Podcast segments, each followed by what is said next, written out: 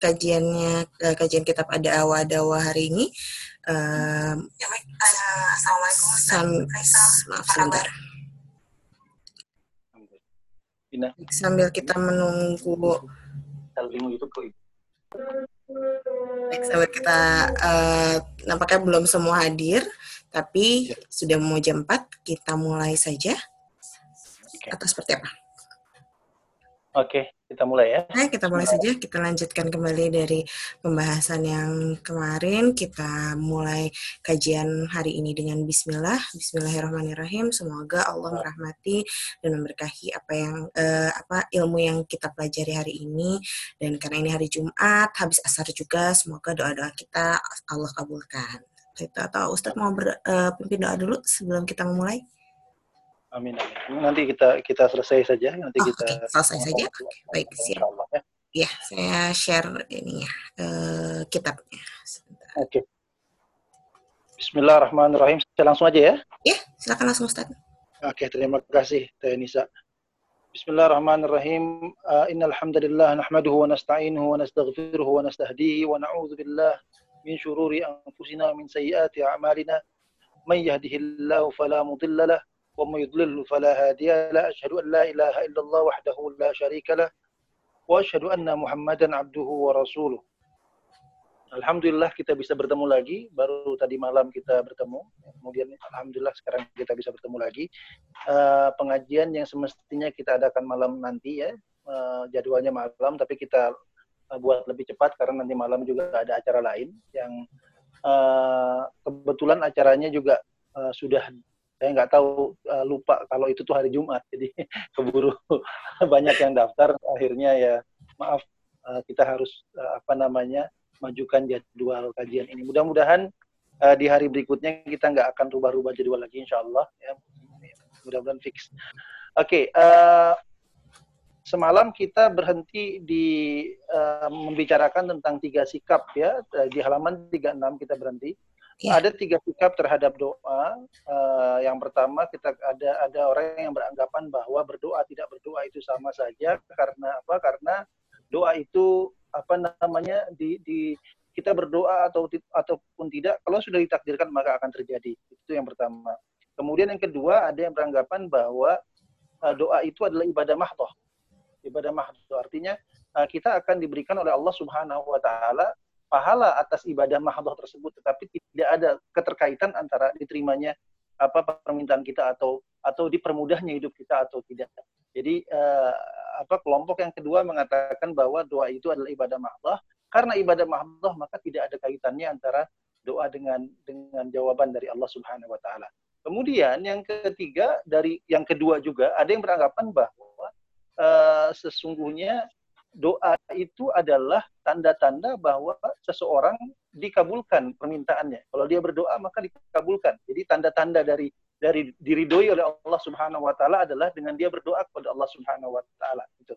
Nah, kemudian Imam Ibnu Qayyim al-Jauzi ya memberikan satu alternatif yaitu yang yang betul ya, jawaban yang betul, sikap yang betul terhadap doa adalah bahwa doa itu adalah bagian dari qada dan qadar. Ya, jadi doa itu adalah bagian dari ikhtiar dan bagian dari qada dan qadar. Jadi kita harus berikhtiar di antara satu ikhtiarnya adalah doa. Dan doa itu sendiri adalah adalah qada Allah dan dan qadari daripada Allah Subhanahu wa taala. Nah, jadi jadi uh, kewajiban kita untuk melakukan ikhtiar dan salah satu ikhtiar adalah doa.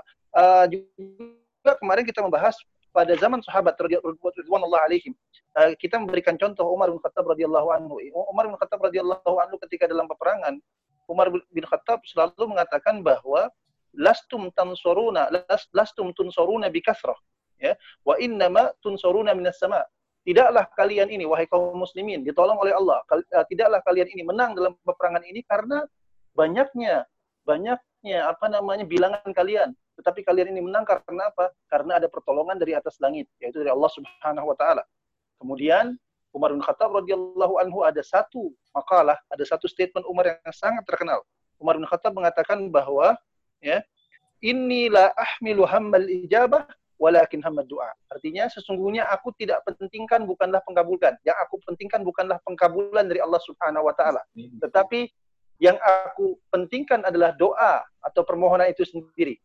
Nah, jadi itu uh, yang di yang ditekankan oleh Umar bin Khattab radhiyallahu anhu.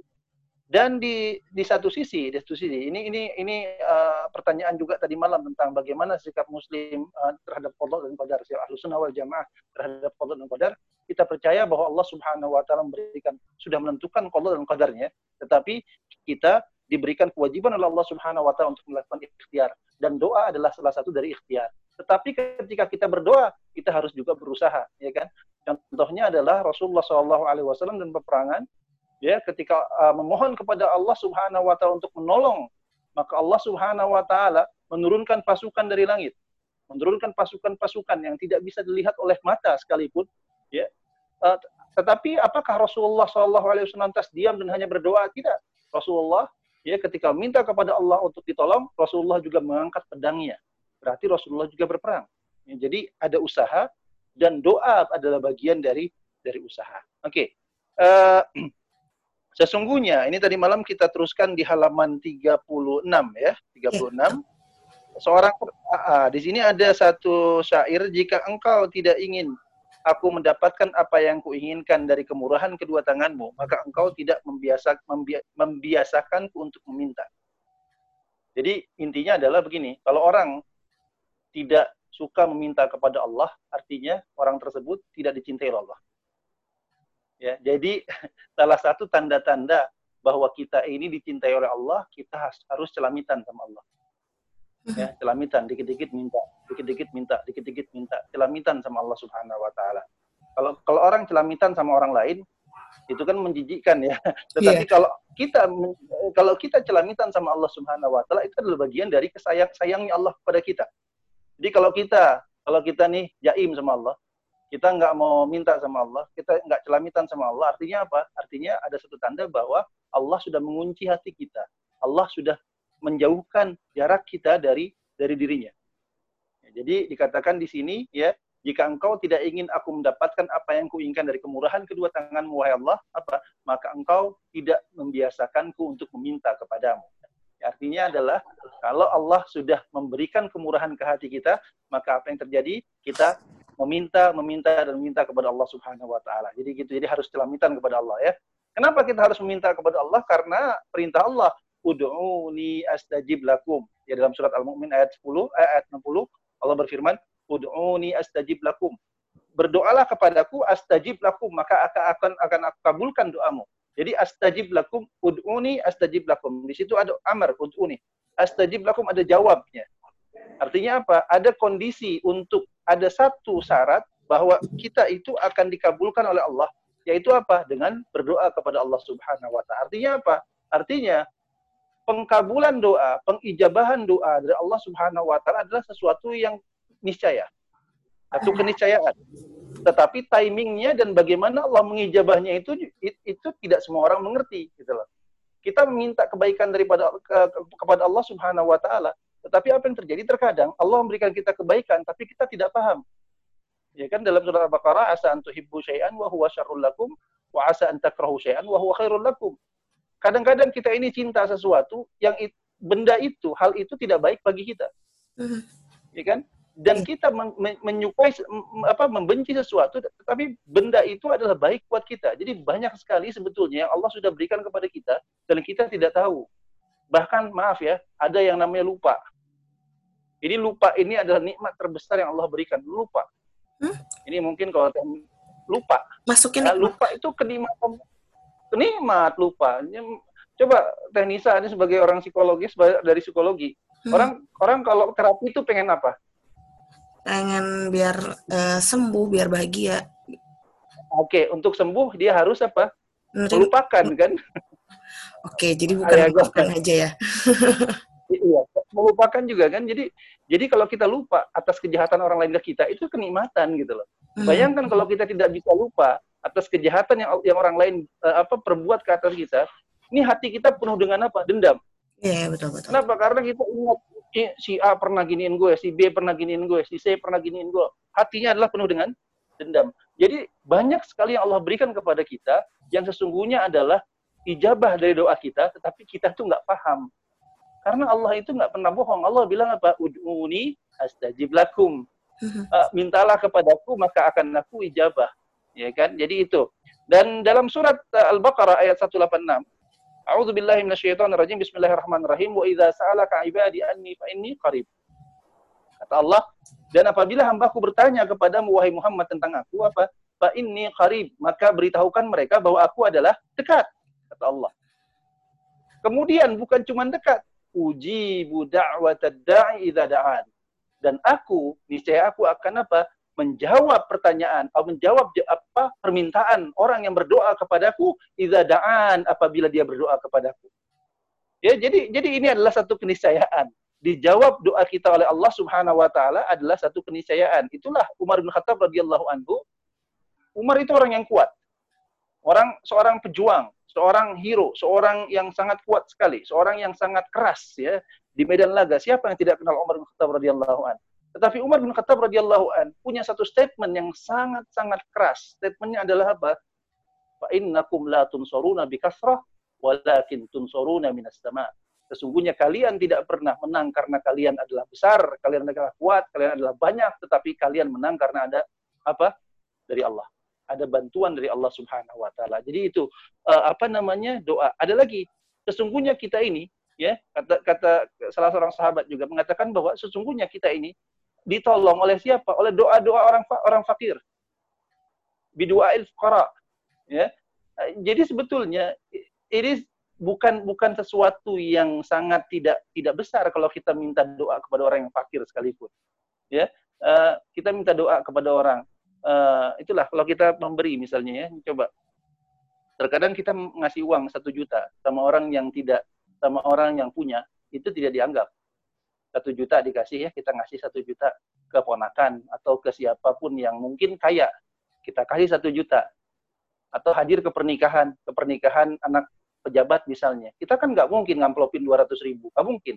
Ngamplopin lima ratus ribu satu juta. Nah kita satu juta pun diamplopin itu biasa dan mereka tidak tidak tidak berdoa. Mereka kebanyakan ya ada yang berdoa. Mereka tidak tidak tidak tidak tertampar oleh duit satu juta itu. Coba tapi coba kita kasih uh, apa namanya uh, pengemis. Ya atau bukan pengemis ada orang yang bawa bawa ini apa namanya orang yang gelandangan ya. Oh, gelandangan kita kasih. Bawa gerobak. Yang hmm. tidur di gerobak itu yeah. itu gerobak men ya yang iya, tidur yeah, di gerobak uh, ya, pokoknya mereka ganti baju di gerobak nggak usah banyak banyak kita kasih sepuluh ribu aja dikasih sepuluh ribu itu doanya keluar semuanya Ya Allah, ya terima kasih banyak ya Den ya. Mudah-mudahan nanti jadi orang yang sukses ya, berkah dan lain sebagainya. Dan itu dari hati. Kenapa? Kenapa? Dan itu chance untuk diijabah oleh Allah Subhanahu wa taala besar sekali. Kenapa? Karena Allah menjawab doa yang mutor, orang yang membutuhkan. Dan mereka itu orang yang membutuhkan. Kemudian kita tolong. Ya kan? Apa yang terjadi di berdoa kepada Allah? Modalnya berapa?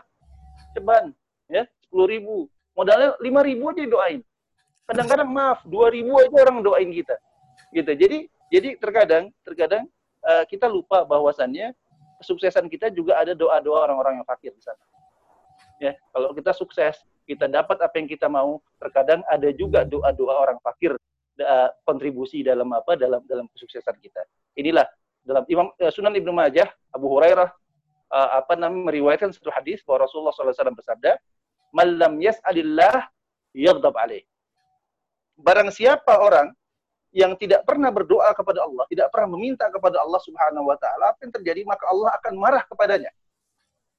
Jadi kalau kita culamitan, ada teman culamitan, kita yang marah. Tetapi kalau kita culamitan tidak pernah meminta sama Allah, Allah yang marah. Lu sombong banget gak pernah minta gitu loh. Maaf, karena gini, manusia terkadang berpikir terlalu duniawi, materialistis. Sekarang apa sih yang kita mau? Misalnya ya orang sudah kaya banget, dia udah nggak perlu apa-apa lagi tapi dia lupa bahwa ada hidup setelah mati gitu loh.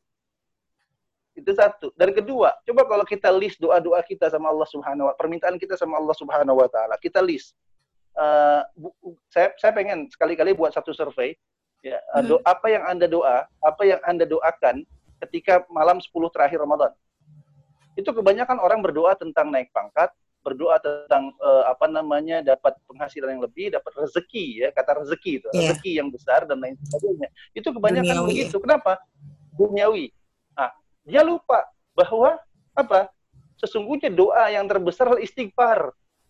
minta ampun kepada Allah Subhanahu wa taala, tasbih subhanallah wa bihamdi subhanallahil azim. Yang membebaskan Zunnun, yang membebaskan Nabi Yunus alaihissalam dari perut ikan adalah apa?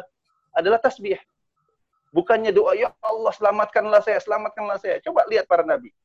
Ya, Nabi Nabi Nabi Ayub alaihissalam yang diuji oleh Allah ya dengan banyak-banyak. Ya cuman apa? Dia tidak tidak tidak berdoa yang keras-keras kepada Allah Subhanahu wa taala. Iya kan?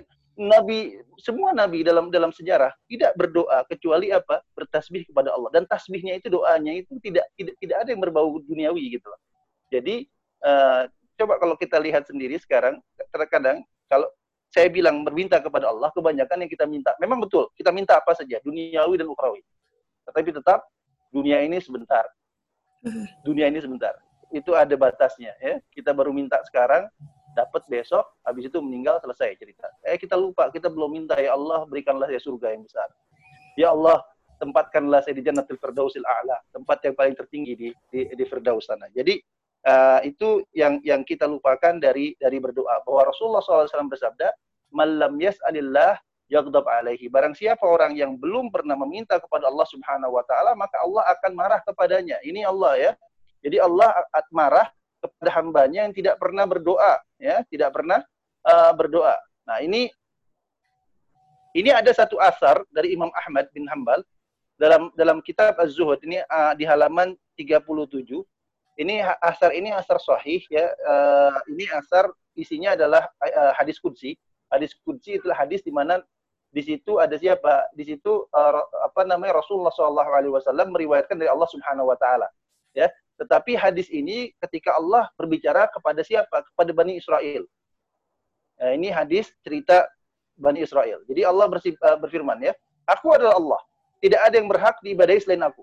Jika aku ridha, pasti aku akan memberkahi. Dan keberkahanku tidak ada batasnya. Jika aku murka, niscaya aku akan melaknat. Dan laknatku sampai keturunan yang ketujuh. Itu kata Allah dalam kepada Bani Israel. Ya kan?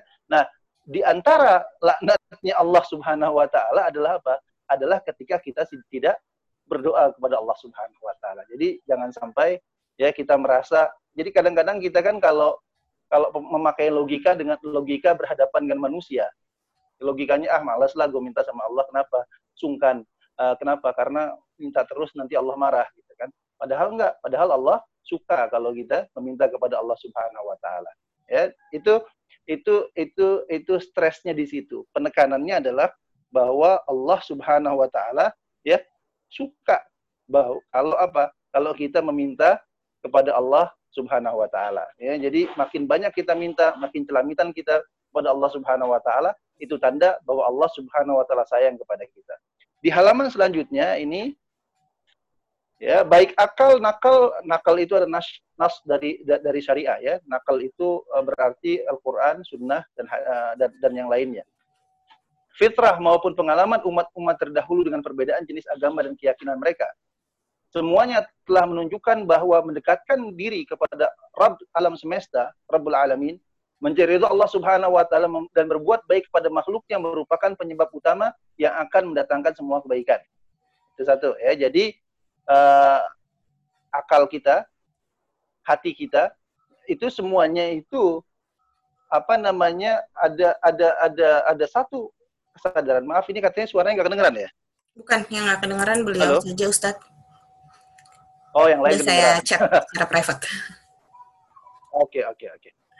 Eh, jadi dikatakan bahwa dalam akal kita ya maupun dalam nasari atau fitrah kita ya ataupun pengalaman umat-umat terdahulu ya apa apa apa apa apa uh, akal kita dan dan dan semua nakal dan dan apa namanya dan dan pengalaman umat terdahulu menunjukkan bahwa mendekatkan diri kepada Rabb alam semesta, kepada Tuhan alam semesta, mencari ridho Allah Subhanahu wa taala, berbuat baik kepada makhluknya merupakan penyebab utama yang akan mendatangkan semua kebaikan. Jadi jadi semua kebaikan itu datang ketika kita dekat kepada Allah Subhanahu wa taala, ya. Ketika kita dekat kepada pencipta, maka semua kebaikan itu akan datang. Ini sebetulnya bukan cuma Islam saja, semua agama percaya bahwa semakin dekat kita dengan Allah dengan dengan Tuhan ya uh, dengan Allah tentunya kita Tuhan kita Allah Subhanahu wa taala uh, maka apa semakin banyak kebaikan yang akan datang kepada kita. Nah, ini disebut kalau Imam Ibnu Qayyim al-Jauziyah di sini sementara kebalikannya ya. penyebab terbesar yang akan mendatangkan ke, apa kebalikannya adalah penyebab terbesar yang akan mendatangkan segala keburukan. Ya, jadi uh, semua semua keburukan, segala keburukan apa? Keburukan berarti puncanya adalah dari apa? Dari jauhnya makhluk kepada khaliknya, kepada penciptanya. Nah, salah satu tanda dekatnya kita dengan pencipta kita adalah dengan apa? Dengan berdoa kepada Allah Subhanahu wa taala, dengan meminta kepada Allah Subhanahu wa taala. Ya. Nah, untuk itu sebetulnya ini ini Imam Ibnu Qayyim al-Jauziyah uh, beliau ingin menegaskan menegaskan bahwa bagian dari ikhtiar adalah berdoa. Satu. Jadi manusia itu harus berikhtiar. Uh, kita ingat beberapa hari yang lalu Imam Ibnu Qayyim al-Jauziyah memberikan satu hadis, membawakan satu hadis uh, untuk apa namanya argumen terhadap orang yang mengatakan bahwa semuanya sudah ditakdirkan, berdoa dengan tidak berdoa akan terjadi juga. Uh, itu adalah fatalis ya. Uh, Jabariyah.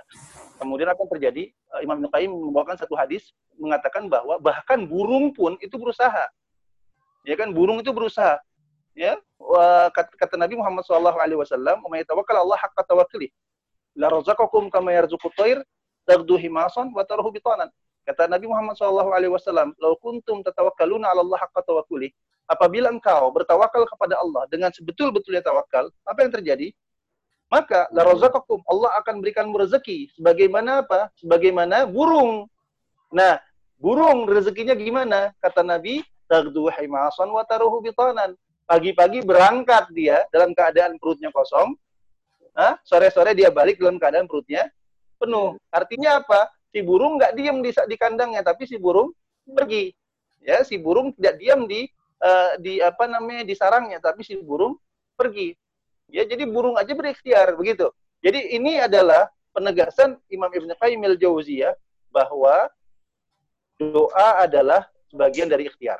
Satu. Kedua, ketika kita berdoa kepada Allah, berdoa adalah salah satu bentuk kebaikan, ya, amal saleh.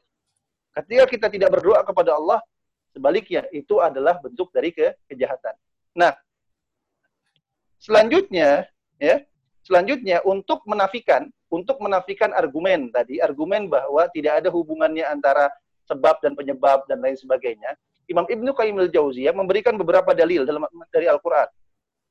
Nah, dalil-dalil ini adalah mengaitkan ya bahwa adanya balasan dengan hukum alam ya dan perintah syar'i yang setimpal dengannya. Jadi ada pekerjaan akan ada balasannya, ada sebab ada akibatnya. Hmm. Nah, jadi ini ini nyambungnya ke mana? nyambungnya ke logika bahwa doa itu adalah sebagian daripada sebab, ya kan? Doa itu adalah bagian dari sebab. Tidak berdoa adalah bagian dari sebab juga. Ya, sebab sebab apa? Sebab untuk mendapatkan kemurkaan dari Allah Subhanahu wa taala, ya. Jadi kita kita akan bacakan, kita akan uh, sedikit apa namanya? Kita bacakan saja ya ayat-ayatnya yang menunjukkan bahwa uh, ada apa? Ada balasan, ya, ada balasan karena ada perbuatan.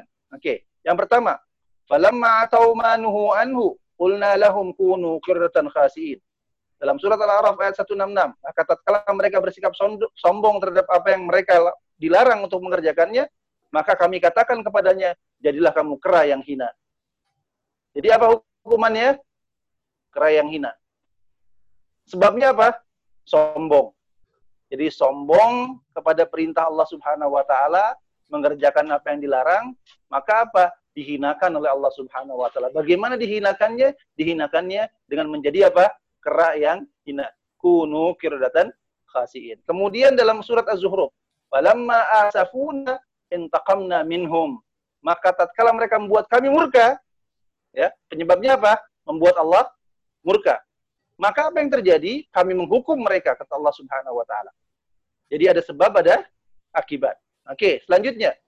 Wasariqu wasariqatu faqtaw aydiyahuma jazaan bima kasaba. Kata Allah, as-sariqu, laki-laki yang mencuri, wasariqatu dan perempuan yang mencuri, faqta'u aydiyahuma maka potonglah kedua tangan mereka. Kenapa? Jazaa'an bima kasaba. Hukumannya apa jadinya? Memotong tangan. Penyebabnya apa? Mencuri. Jadi ada sebab ada akibat. Lagi ya Imam Ibnu Qayyim ini innal muslimina wal muslimati wal mu'minina wal mu'minati wal qanitina wal qanitati was shadiqati was sabirin was sabirati wal khashiin wal khashiat wal mutasaddiqina wal mutasaddiqat. والصائمين والصائمات والحافظين فروجهم والحافظات والذاكرات والذاكرين الله كثيرا والذاكرات أعد لهم أعد الله لهم مغفرة وأجر عظيم. Oke. Okay. Uh, Allah Subhanahu wa taala dalam surat Al-Ahzab ayat 35 memberikan beberapa kriteria ya, kriteria orang yang diberikan maghfirah oleh Allah Subhanahu wa taala. Ya, jadi sebabnya apa? Sifat-sifat ini, kemudian akibatnya maghfirah dari Allah Subhanahu wa taala. Apa saja? Al-muslimin wal muslimat ya. Mukmin muslim perempuan, muslim laki-laki, muslim perempuan. Al-mu'minin wal mu'minat. Mukmin laki-laki, mukmin perempuan. Al-qanitin wal qanitat. Apa? Al-qanitin uh, wal qanitat. Laki-laki yang tetap ya dalam ketaatan dan perempuan yang tetap dalam ketaatan. Kemudian was-sadiqina was-sadiqat. Laki-laki yang benar dan perempuan yang benar. As-sabirina was-sabirat. Laki-laki yang sabar dan perempuan yang sabar. Al-khasyiina wal khasyiat. Laki-laki yang khusyuk dan perempuan yang khusyuk. Wal mutasaddiqina wal mutasaddiqat. Laki-laki yang memberikan sedekah dan perempuan yang memberikan sedekah. Wassaimin wassaimat. Laki-laki yang puasa, perempuan yang puasa. Wal hafizina furujahum wal hafizat. Laki-laki yang menjaga kemaluannya dan perempuan yang menjaga kemaluannya. Wadzakirin Allah katsira wadzakirat dan laki-laki yang banyak berzikir kepada Allah mengingat Allah wadzakirat dan perempuan juga yang banyak mengingat Allah Subhanahu wa. Ini ada beberapa pekerjaan ya. Jadi muslim, iman, terus tetap kepada Allah, terus benar, benar. terus sabar, terus khusyuk, terus uh, sedekah, terus puasa, terus menjaga kemaluan, uh, terus mengingat Allah. Nah, itu sebabnya. Akibatnya apa? A'addallahu lahum maghfiratan wa ajran azima. Ini karena kelompok yang pertama yang berkata bahwa tidak ada kaitannya antara sebab dan akibat, maka Imam Ibnu Qayyim al-Jauziyah mengatakan bahwa dalam Al-Qur'an itu selalu ada sebab ada akibat. Ini di antaranya ya. Tadi ada sebabnya. Sebabnya apa? Perbuatan yang tadi. Akibatnya adalah a'addallahu lahum maghfirata wa ajran azima. Allah memberikan maghfirah, pengampunan, wa ajran azima dan pahala yang besar. Oke. Kemudian terkadang Allah mengaitkan dengan pola pola kalimat syarat uh, dan balasan. Jadi ada syarat, ada balasannya. Ya, syaratnya apa, balasannya apa. Contoh dalam surat Al-Anfal, in tattaqullaha yaj'al lakum furqana wa yukaffir ankum sayiatikum wa yaghfir lakum. In tattaqullaha, apabila engkau takwa kepada Allah, yaj'al lakum furqanan, maka Allah akan memberikan apa furqan. Furqan itu kemampuan untuk membedakan antara yang hak dan yang batil. Ya, apa? wa yukaffir ankum sayiatikum dan Allah akan menghapuskan segala kesalahan-kesalahanmu wa yaghfir lakum dan mengampuni dosa-dosamu. Jadi ada apa? Ada syarat, ada balasan. Syaratnya takwa kepada Allah, ya ja'alakum furqanan, kemudian takwa kepada Allah, akibatnya adalah balasannya adalah ya ja'alakum furqanan, memberikan kita furqan, kemudian yukafir ankum sayiatikum. Uh, ini furqan itu susah loh. Tidak semua orang dapat furqan. Jadi membedakan kemampuan untuk membedakan yang salah dan yang benar. Karena kita berada di zaman yang penuh dengan fitnah. Mhm. Jadi zaman fitnah ini kita melihat kebenaran itu hitam. Ya, terkadang ya sama melihat kesesatan itu cerah.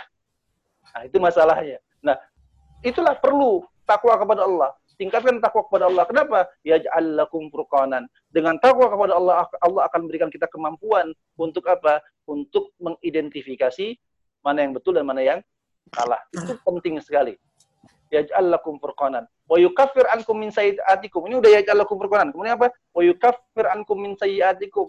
Dan Allah akan menghapuskan yukaffir ankum sayyi'atikum. Dosa-dosamu. Wa yaghfir lakum dan mengampunimu. Jadi jadi banyak sekali, banyak sekali ini kepada Subhanahu wa taala. Kemudian balasannya adalah tadi Furqan, kemudian uh, diampuni dosa, kemudian uh, apa? Uh, diampuni kesalahan, dihapuskan kesalahan dan diampuni dosa. Uh, kemudian fa in tabu wa aqamus salata wa atuz zakata fa ikhwanukum fid. Ini syarat juga ya, syaratnya apa?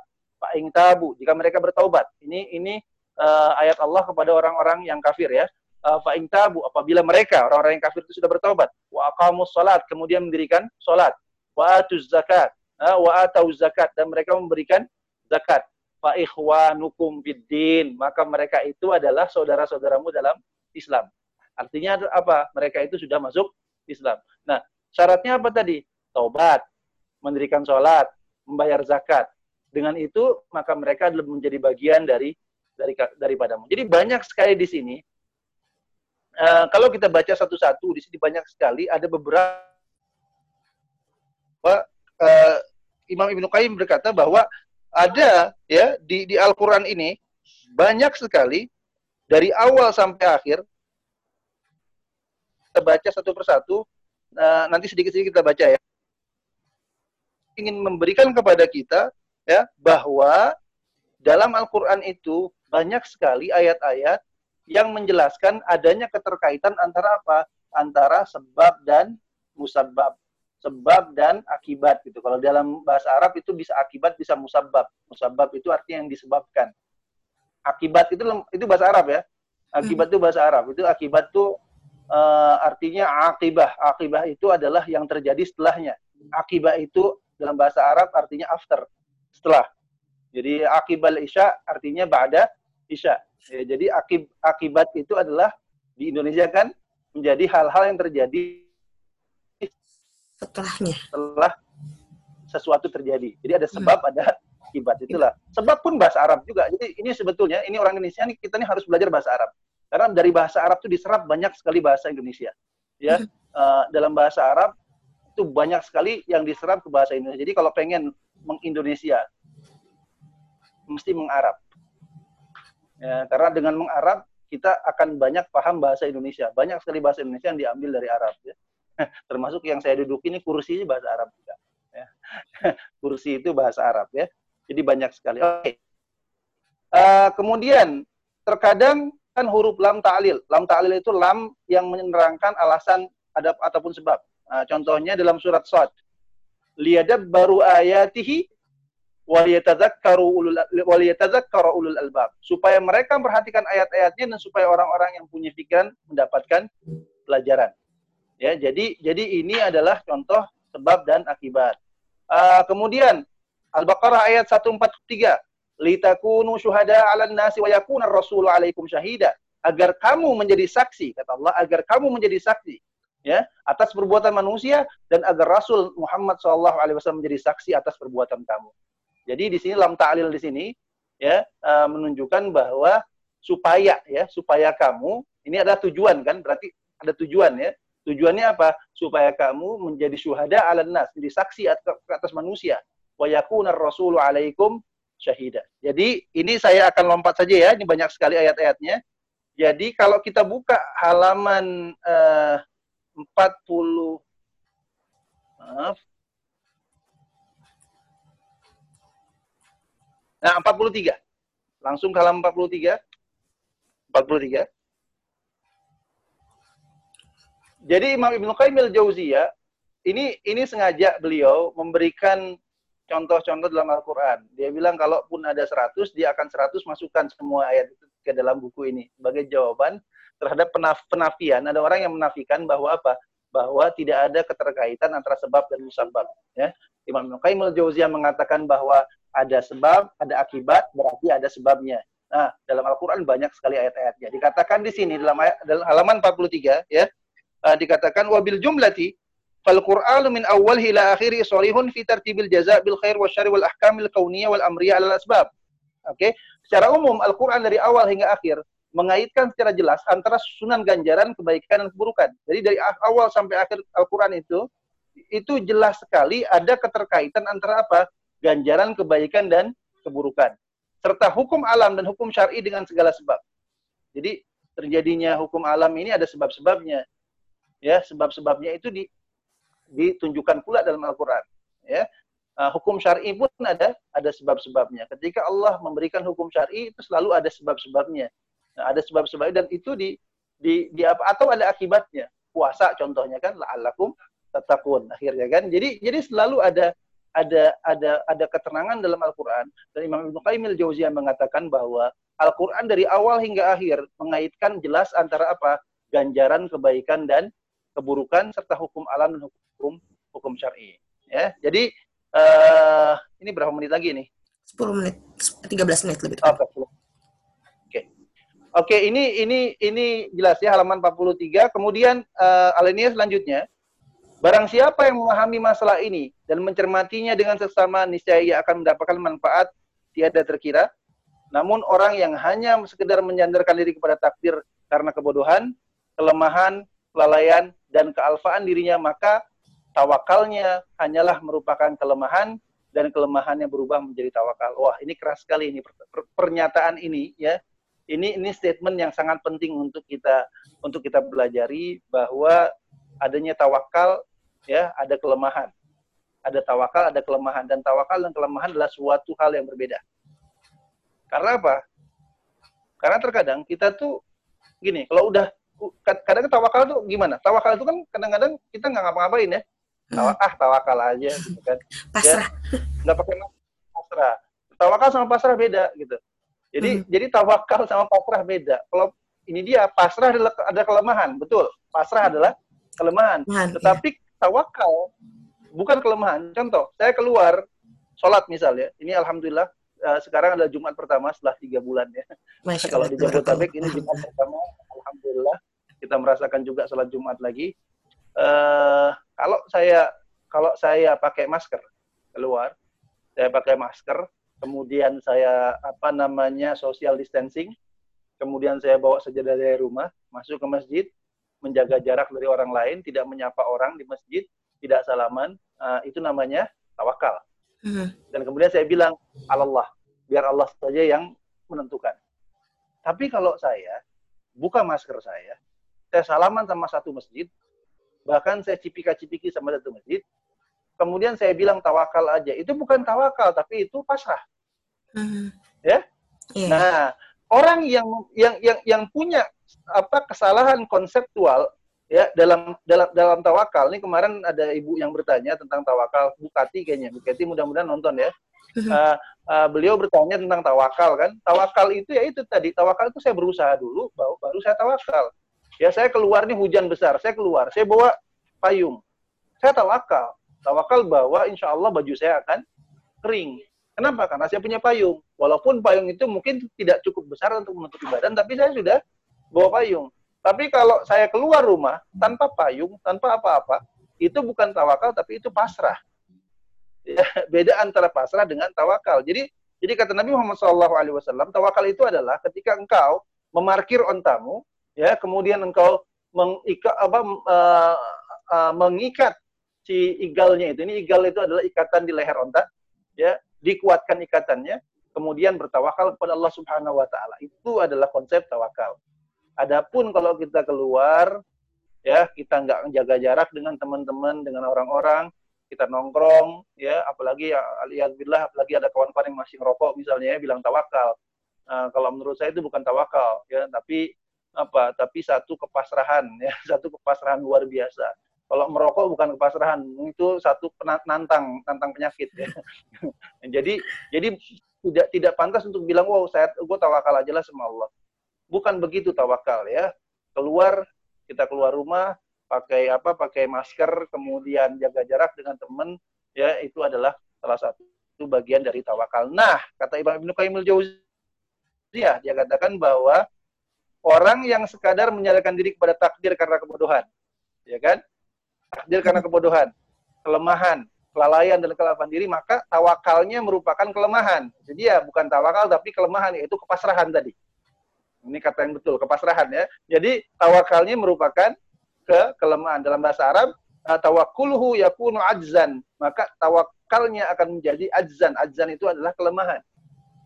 Kenapa? Karena salah konsep tawakal yang ia praktekkan. Jadi bukan tawakal yang ia praktekkan, tetapi apa? Satu, kelemahan yang ia praktekkan.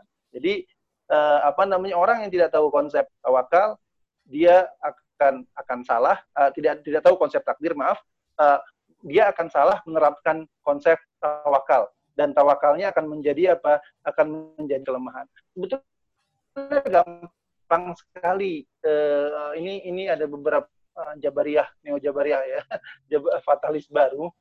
Hmm, kita lihat kemarin ini banyak sekali kan di di di media sosial yang menentang penutupan masjid misalnya. Padahal penutupan masjid pun itu ada masalahnya. Kalau saya katakan memang ulul amri sudah menutup masjid, kita kita taat kepada pimpinan kepada kepada pemerintah yang sudah untuk untuk masjid tentunya dengan berbagai pertimbangan ya. Uh, dan bagian dari ikhtiar sebetulnya. Kalau kita belajar bab ikhtiar, kita paham bahwa menutup masjid ketika zaman wabah adalah zaman ikhtiar. Uh, Umar bin Khattab radhiyallahu anhu pada zaman wabah di Madinah, beliau pernah dipertanyakan oleh Ubadah bin Samit. Ubadah Abu Baidah. Abu Baidah berkata kepada Rasulullah SAW kepada apa? Umar bin Khattab, uh, ya Umar, atafirru min qadarillah. Wahai Umar, apakah engkau lari dari dari takdir Allah Subhanahu wa taala? Tapi jawaban Umar bin Khattab radhiyallahu anhu apa? Saya lari dari takdir Allah ke takdir yang lainnya lagi. Jadi itu konsep apa? Itu ikhtiar. Ya, itu ikhtiar. Jadi kalau seandainya, maaf, kalau seandainya orang sudah tahu ada virus misalnya, kemudian kita pergi keluar tanpa penjagaan, ya, uh, tanpa tanpa apa pun, ya, itu menafikan konsep ikhtiar. Itu bukan lari dari takdir Allah ke takdir Allah yang lainnya, tetapi pasrah, ya, pasrah kepada takdir, pasrah terhadap apa namanya kejelekan yang akan datang kepada dia. Jadi jadi itu itu adalah menurut apa namanya itu adalah sesuatu hal yang berlawanan dengan konsep ahlu sunnah wal jamaah dalam apa? Dalam kodok dan qadar. Satu lagi contoh, Umar Khattab radhiyallahu anhu juga. Dia katakan bahwa ketika Anda membawa membawa hewan ternak, ya, uh, dan melintasi satu apa namanya satu sungai, ya, ada satu sisi dan sisi yang lainnya. Nah, ketika Anda bawa hewan itu, ya, ke sisi yang tidak ada makanan ternak di situ, yang tidak ada rumput di situ, ya, apakah engkau akan terus di situ atau engkau cari lagi yang lain. Ya kan? Pasti kita cari yang ada tempatnya. Nah, itulah ya. contoh daripada lari dari qada Allah kepada takdir Allah selanjutnya. Nah, berdoa adalah salah satu bagian, salah satu cara yang Allah berikan kepada kita agar kita apa lari dari takdir Allah ke takdir Allah yang lainnya. Jadi doa itu juga cara untuk apa? melawan takdir Allah dengan takdir Allah yang yang lainnya dengan cara apa? Berdoa kepada Allah dan berikhtiar. Dan doa itu adalah bagian dari ikhtiar. Jadi mungkin itu saja sebelum kita akhiri sama-sama kita minta kepada Allah Subhanahu wa taala semoga Allah Subhanahu wa taala menguatkan kita. Semoga Allah Subhanahu wa taala memberikan kita istiqamah. Semoga Allah Subhanahu wa taala terus membuka masjid-masjid kita untuk kita ya dalam keadaan sehat dan semoga Allah Subhanahu memberikan kita kesempatan untuk meneruskan ibadah di bulan Syawal bagi kawan-kawan yang belum selesai puasa syawalnya, mari kita selesaikan puasa syawal, ya, karena sisa tiga minggu lagi atau dua minggu lagi dari bulan syawal, nggak terasa ya bulan syawal tinggal dua minggu. Jadi uh, mari sama-sama kita berdoa kepada Allah Subhanahu Wa Taala, semoga Allah mengangkat wabah ini dari kita semua. Semoga Allah Subhanahu Wa Taala menjadikan negara ini negara yang aman, makmur, damai. Semoga Allah Subhanahu Wa Taala memberikan hidayah kepada pemimpin-pemimpin kita اللهم صل على محمد وسلم ورضي الله تبارك وتعالى عن كل صحابة رسول الله أجمعين آمين. اللهم حمدا يوافي نعمه يكافي مزيدا يا ربنا ولك الحمد ولك الشكر كما ينبغي لجلال وجهك الكريم وعظيم سلطانك. اللهم اغفر للمسلمين والمسلمات والمؤمنين والمؤمنات الأحياء منهم والأموات. إنك سميع قريب مجيب الدعوات يا قاضي الحاجات. اللهم اغفر لنا ولإخواننا الذين سبقونا بالإيمان. ولا تجعل قلوبنا غلا للذين آمنوا. ربنا لا تزغ قلوبنا بعد إذ هديتنا وهب لنا من لدنك رحمة إنك أنت الوهاب. ربنا لا تؤاخذنا إن نسينا أو أخطأنا.